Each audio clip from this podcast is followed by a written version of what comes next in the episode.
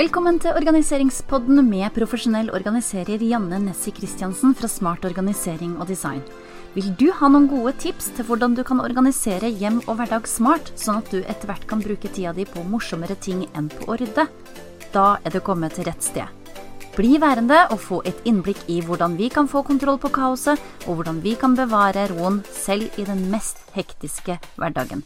Fra den minste skuff til den største boden, vi tar for oss alt. Så brett opp ermene og la oss komme i gang.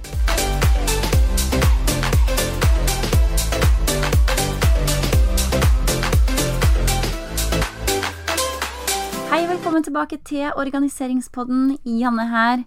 Vi eh, holder på med vårrengjøring, og i denne episoden her skal vi snakke litt om sportsboden. Og sjøl om du kanskje ikke nødvendigvis har en sportsbord, så har du kanskje en del utstyr som trengs litt vedlikehold. Så her er det noen tips for alle sammen. Det er vel bare nå å innse at uh, skisesongen er over. Jeg er for så vidt uh, veldig glad for det for min egen del, for jeg lengter skikkelig etter uh, sommer. Mannen min er vel motsatt. Han syns for så vidt det er deilig med sommer, men han kunne nok sikkert ha gått på ski året rundt.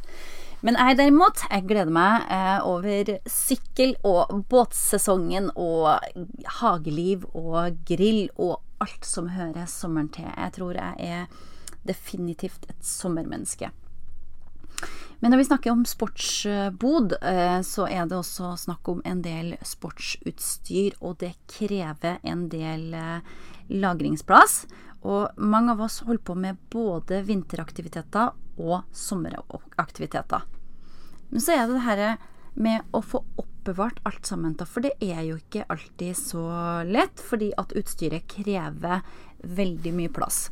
Er du så heldig at du har en egen sportsbod, eller har du mulighet for å sette en del av garasjen til å oppbevare sportsutstyret sitt, eller må du lagre alt utstyret inne i huset? Uansett hvor du lagrer sportsutstyret, så har det lett for å oppstå kaos når flere går inn og ut av boden for å hente det man trenger. Og derfor er det viktig å lage seg gode og oversiktlige system som alle i familien lett kan følge.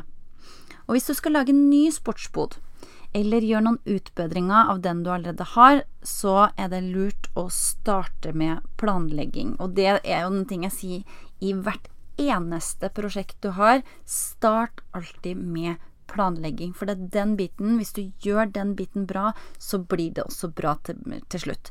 Så du må starte nå med å planlegge hvordan du ønsker at boden skal se ut. Hva trenger du av hyller, bokser osv.? Er det noen ting du ønsker å lage sjøl, eh, eller trenger du å kjøpe inn noen hyller til oppbevaring? Hvor mange oppbevaringsbokser eller kasser trenger du eventuelt, og hvilke størrelser har du behov for? Hvis du har liten plass i boden, så kan det være smart å sette til at du bruker ofte nederst eller mest tilgjengelig. Det er òg lurt å lage seg et hyllesystem hvor du kan lagre det som ikke brukes akkurat nå. Utnytt da plassen på veggen og i taket. Her kan du henge opp golfbag, hockeykøller, pulk, ski og ulike brett. Og hvis det er plass, så kan du òg henge syklene eh, opp på veggen over vinteren. Eh, og så er det veldig viktig at du rengjører alt utstyr før det settes inn etter endt sesong.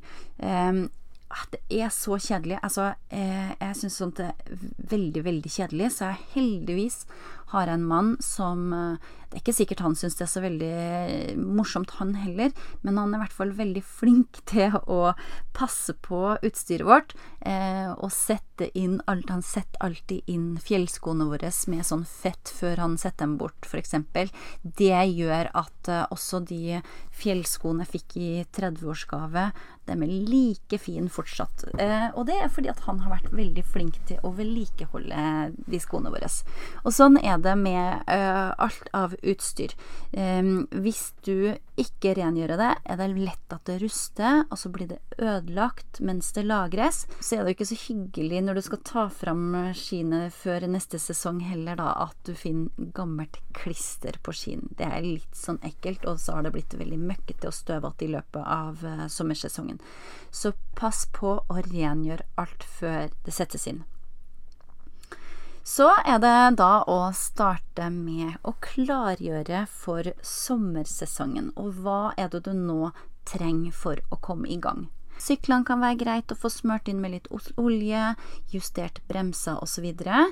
Er syklene fortsatt passe til barna, eller er det sånn at uh, de trenger å få bytta de ut?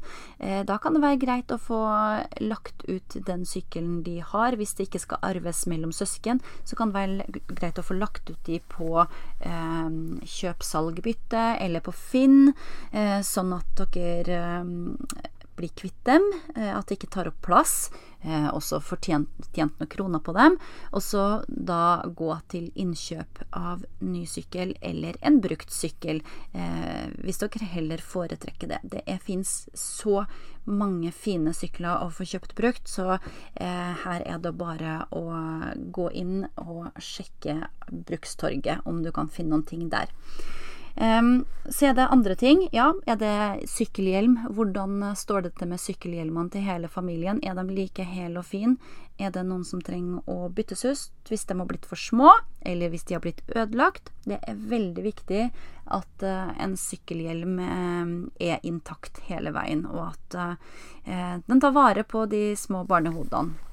Hva med annet utstyr eh, som dere nå skal bruke i sommersesongen? Sjekk at alt eh, fungerer, og hvis det er noen ting som trengs en liten oppgradering, så er det greit å få en oversikt over det nå. Hvordan er det med flytevester? Passer alle flytevester til alle familiemedlemmer, eller er det noen som må opp en størrelse? Hva med annet badestyr? Er det noe som må fornyes?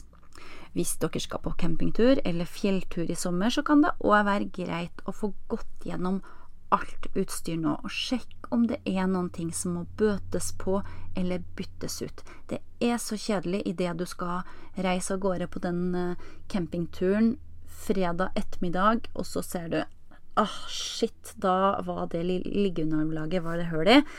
Åh, må jeg ut og kjøpe det nå før vi kommer oss av gårde på den turen her.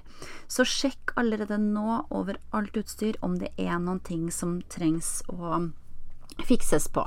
Og hvis du lager deg ei handleliste med størrelse av hva slags utstyr fortløpende mens du holder på, så er det kjapt og enkelt å få sjekka ut på nettet i etterkant hva som er å få tak i, enten brukt eller nytt. Da har du litt å holde på med de neste dagene også. Med det så ønsker jeg deg masse lykke til, og så høres vi om ikke så lenge. Ha det bra!